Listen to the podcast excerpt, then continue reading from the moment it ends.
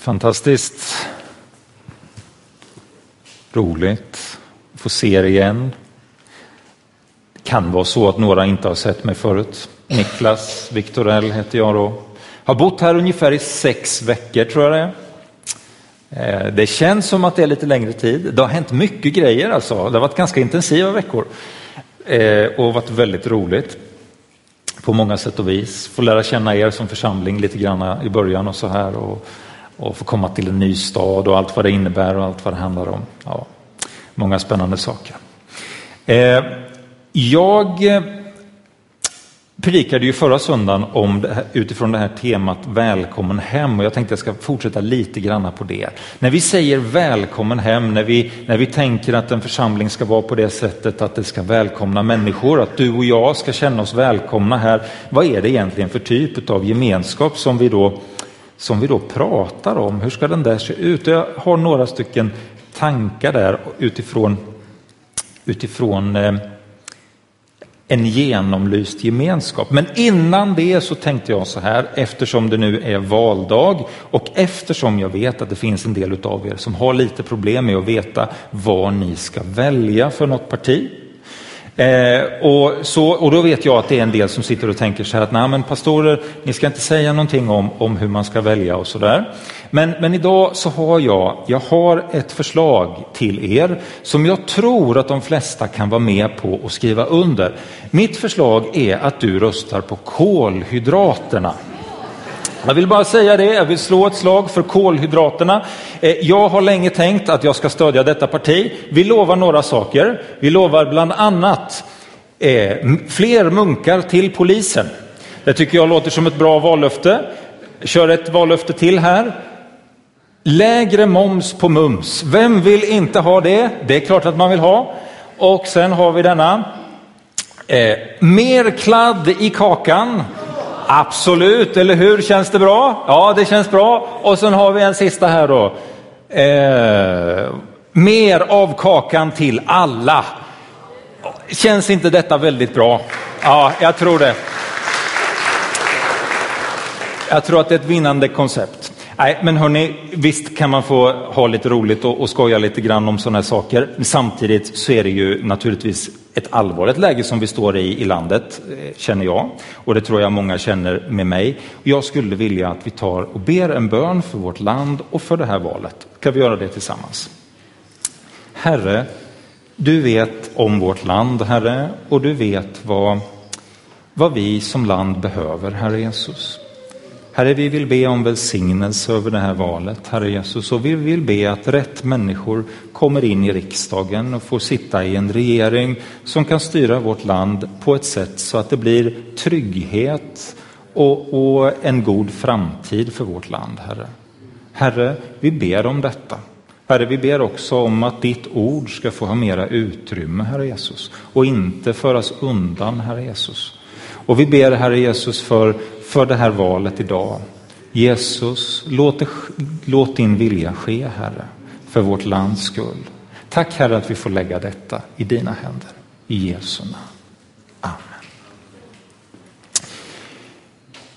Nu ska vi lämna valet och så ska vi säga någonting om detta med välkommen hem. Jag, jag pratade ju lite grann om det då, eller talade över det förra söndagen.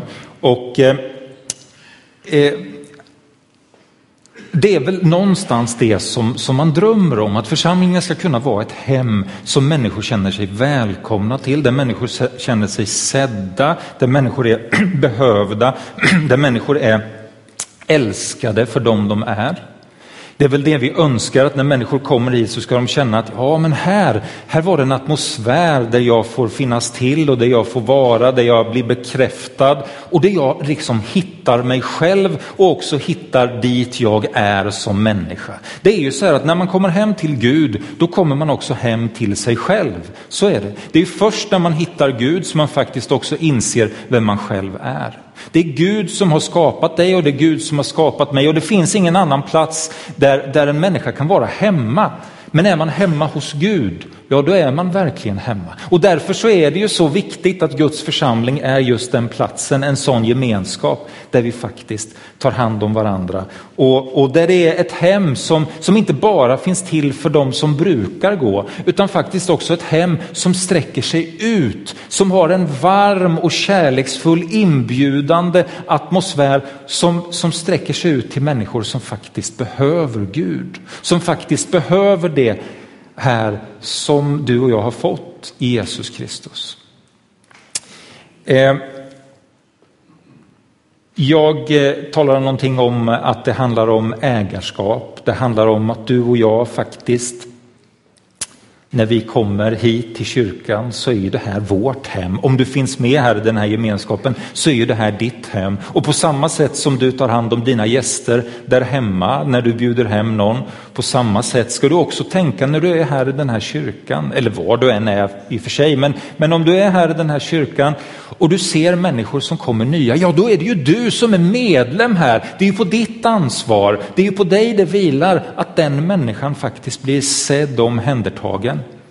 Vi har värdar, mötesvärdar, det är jättebra. Ni gör ett fantastiskt arbete, ni ska uppmuntras på alla sätt och vis. Men det är inte så att det är bara några värdar som ska göra det, utan det här är ju ditt hem.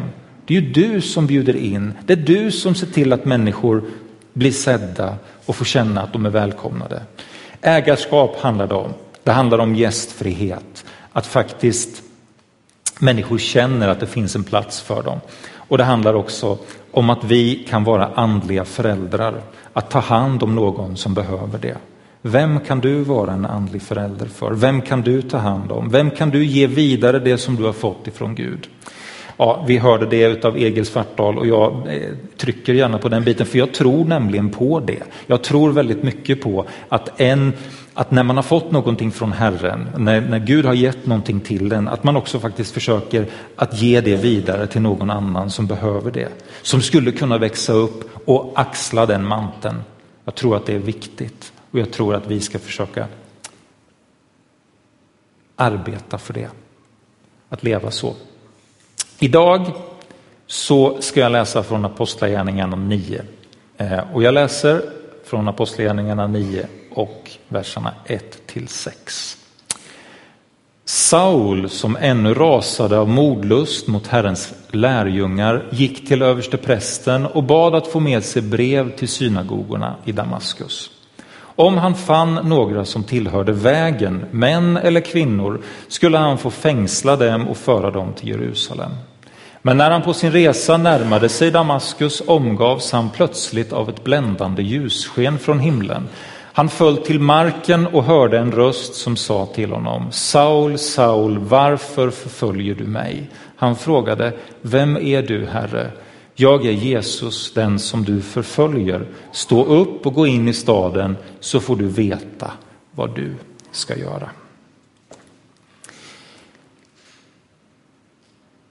Saul, som vi också sen känner då som Paulus, den här eh, aposteln som grundar församlingar eh, och skriver många brev som vi också har i eh, i Nya Testamentet och som är en del av vår bibel.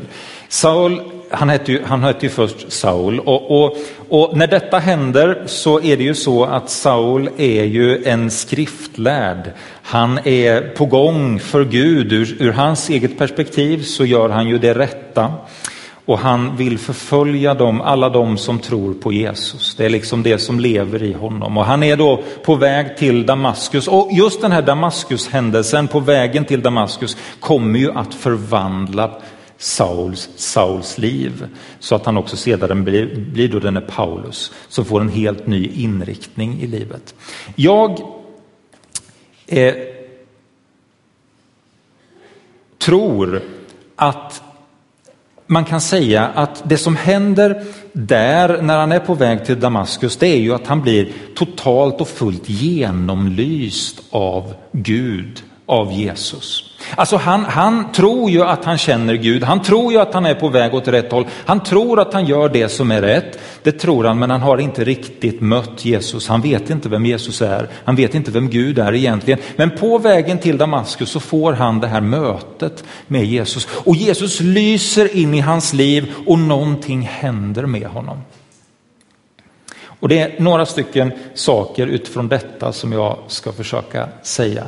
Jag, jag tror att Paulus kanske faktiskt lär sig tre stycken saker där vid det där tillfället. Den första saken som jag tror att han lär sig och förstår, det är att Gud är helig. Möjligtvis är det så att han har förstått det innan, men jag tror att han förstår det ännu mer i den här stunden när han faktiskt får möta Gud själv. Gud är helig. Och Paulus får inse att det är Gud som avgör vad det är som är rätt och vad det är som är fel. Och det är inte han, det är inte Paulus som styr det. Utan det är Gud som är helig. En annan sak som han får, får lära sig det är att jag behöver omvända mig. När han möter Jesus där på vägen, när, när Jesus talar till honom, då faller han på knä och då, då undrar han, vad ska jag göra med mitt liv?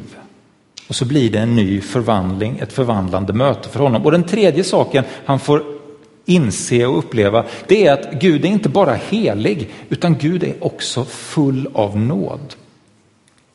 Och utifrån de här tre sakerna ska jag försöka tala om en genomlyst gemenskap.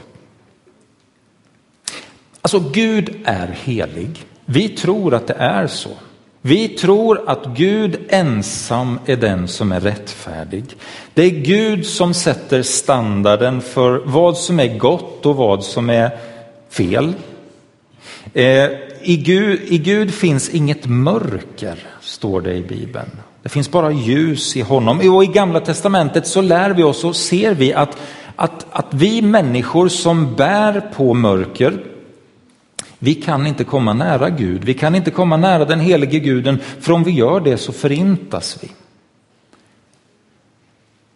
Gud är liksom rättesnöret för vad som är gott och vad som är ont.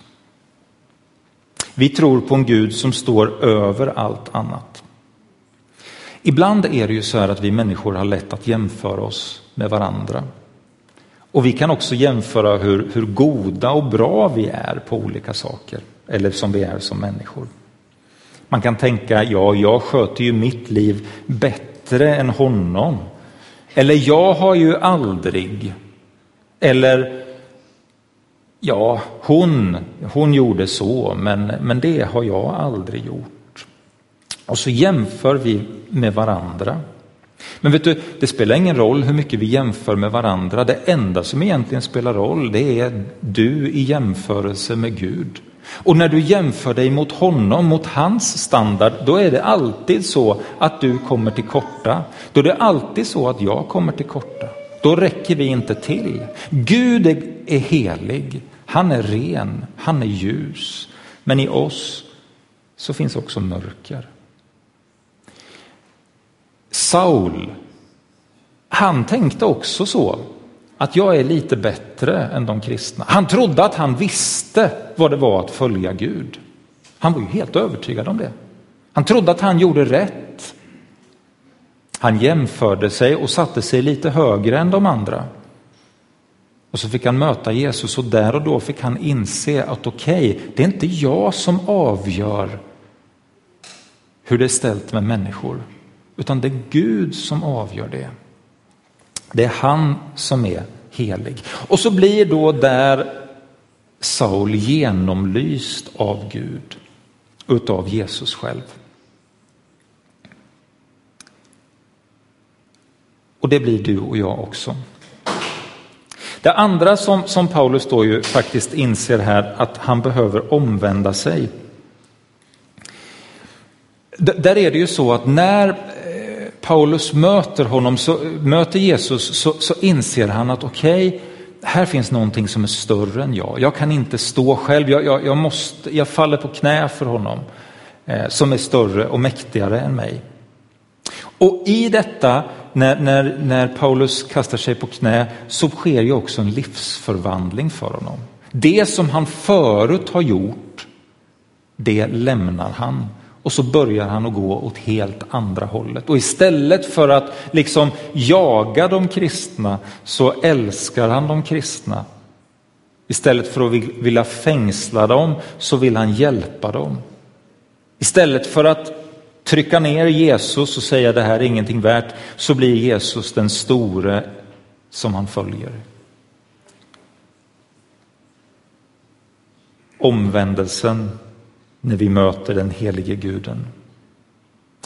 Men samtidigt är det ju också så här med Paulus, när han är där på knä och frågar vem är du? Då säger Jesus, ja, jag, jag är Jesus den som du förföljer. Och sen fortsätter han och säger, ska vi se så att vi får, får rätt ord här bara. Så fortsätter han och säger, stig upp och gå in i staden så får du veta vad du ska göra. Alltså där och då så möter, Gud, så möter Paulus den helige guden men samtidigt så möter han fullkomlig nåd. Fullkomlig upprättelse. Paulus är på knä och Jesus säger du, stig upp. Gå in i staden så ska du få veta vad det är du ska göra. Han möter en fullkomlig nåd. Jesus är intresserad av Paulus. Han vill Paulus bästa. Han säger inte till Paulus, ja som du har betett dig så är det kört. Sluta upp nu, jag vill inte ha någonting med dig att göra. Nej, utan han säger istället, ja du, jag har en plan för dig. Jag har en tanke för ditt liv. Jag vill någonting med dig. Kom nu, jag ska visa dig vad du ska göra. Gud är helig. Vi behöver omvända oss. Men vi behöver också se och få uppleva att Gud är full av nåd. Till alla som har kommit hit idag så är det så. Gud är helig. Och du och jag, vi behöver falla på knä inför honom och leva våra liv utifrån en annan livshållning. En livshållning som riktar sig mot Jesus och går med honom. Men vi ska också veta att Gud älskar oss, att Gud är kärlek och nåd och att han vill ge oss en andra chans och han vill ge oss en möjlighet att vandra ett liv tillsammans med honom. Men då kan man då fråga de här sakerna nu då, vad har det med en genomlyst gemenskap att göra? Var, var är du liksom på väg Niklas? Vad, vad, vad, är det du tänker för någonting? Ja, eh, ska, vi, ska vi säga någonting om detta nu då? Jag tror att det här kan vara, det här mötet som Paulus har med Jesus, det är, det är grunden egentligen för, för en gemenskap som är en sann kristen gemenskap. Och jag tror att det finns en bra utgångspunkt där. Eh, för det första så är det ju så här att den här gemenskapen som vi befinner oss i när vi är kristna, när vi har tagit emot Jesus, då är det så att vi har mött denne helige Gud. Den här helige guden är inte bara någonting som vi har hört talas om långt borta, utan vi har faktiskt mött honom. Vi har faktiskt insett att han är större än allt annat. Vi är ju en brokig samling människor. Vi är kantstötta. Ingen är fullkomlig. Alla har vi våra fel och brister. Och det har vi insett när vi har mött Herren. Vi har insett att ja, men i, oss, i mig själv så är jag inte så mycket. Det har vi sett. Vi har mött en helig Gud och vet att enligt Guds standard så räcker vi inte till. Och det är en viktig insikt för människan. Det är en viktig insikt för dig och för mig. Men Guds ljus lyser över oss, lyser in i oss på samma sätt som Guds ljus lyste in i Paulus. Han ser din synd, han ser din skuld, han ser min synd och han ser min skuld. Han ser vår brustenhet. Och den här helige guden som lyser över vår gemenskap. Så är det här i Guds församling att allting är inte perfekt och det behöver inte vara så. Men Gud är helig. Och vi som en genomlyst gemenskap, vi har också hittat en ny livsinriktning på samma sätt som Paulus hittade en ny livsinriktning. En, li, en livsinriktning som driver oss ner på, på knä. Inte för att Gud tvingar ner oss, han tvingar aldrig ner någon människa. Men, men vi, vill, vi väljer att leva våra liv på det sättet. Därför att Jesus är den han är. Och, och det driver oss till att säga, Herre förbarma dig, Kyrie eleison, ta hand om mig. Du ser att jag inte riktigt räcker till. Du ser att jag inte alls räcker till Jesus. Förbarma dig, hjälp mig. Hjälp mig att vara den människa som du tänker att jag ska vara. En ny livsinriktning på knä, men en genomlyst gemenskap är också upprättad av Jesus. Det är inte bara så att vi lever nere på knä och att allting är svårt, utan det är också en upprättad gemenskap utav Jesus själv som säger, du stig upp, gå med mig, jag ska visa dig någonting. En upprättad gemenskap som glömmer det gamla, det, som, som lägger det gamla av synd och skam och skuld och allt sånt, för det får man lägga bakom sig. Jesus har tagit det på sig och du behöver inte bära det. En upprättad gemenskap.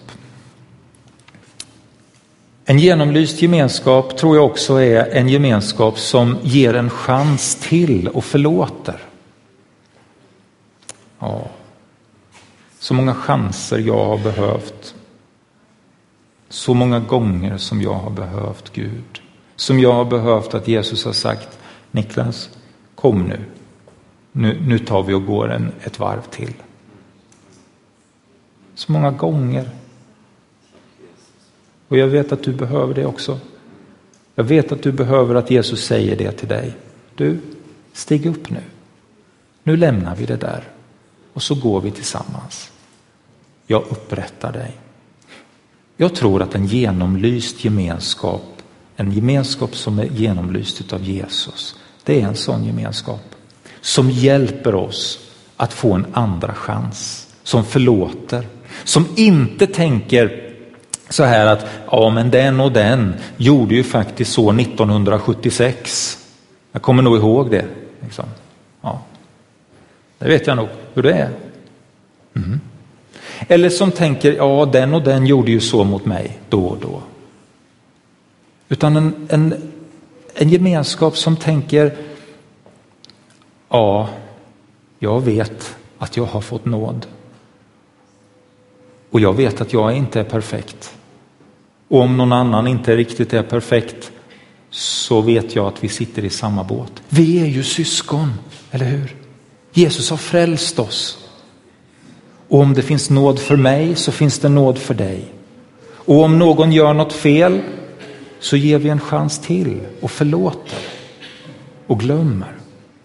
Därför att Jesus har förlåtit och glömt. Därför att du har fått det så ger du det vidare.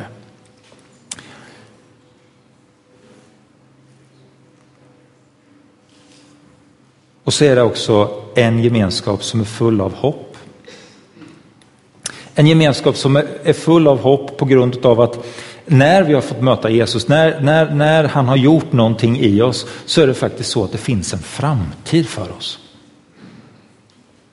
Det öppnas en dörr, det öppnas en ny möjlighet, en ny chans för dig och mig. Jag tror att det här hemmet en församling som vi drömmer om, där människor får komma till Gud. Det ska vara en, en genomlyst gemenskap. En genomlyst gemenskap av Gud själv. Där vi möter honom som helig Gud, men också som den barmhärtige frälsaren som säger nu går vi upp och så går vi tillsammans.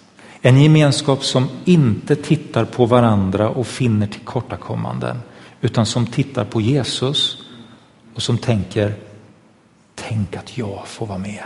tänk att jag får vara frälst. Tack, tack Jesus för det som du har gjort för mig.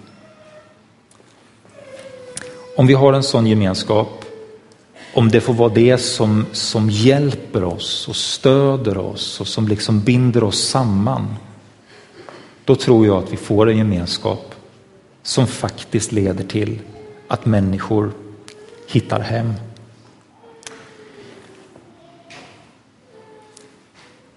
Idag så ska vi, vi ska sjunga några sånger till tillsammans och, och du eh, har möjligheten att få förbön idag. Det kommer finnas förebedjare här framme och du har, har möjlighet att få förbön för just det som du känner att det här eh, behöver jag få hjälp med från Herren. Du kan tända ett ljus om du vill det, om du har någon speciell sak som du ber för.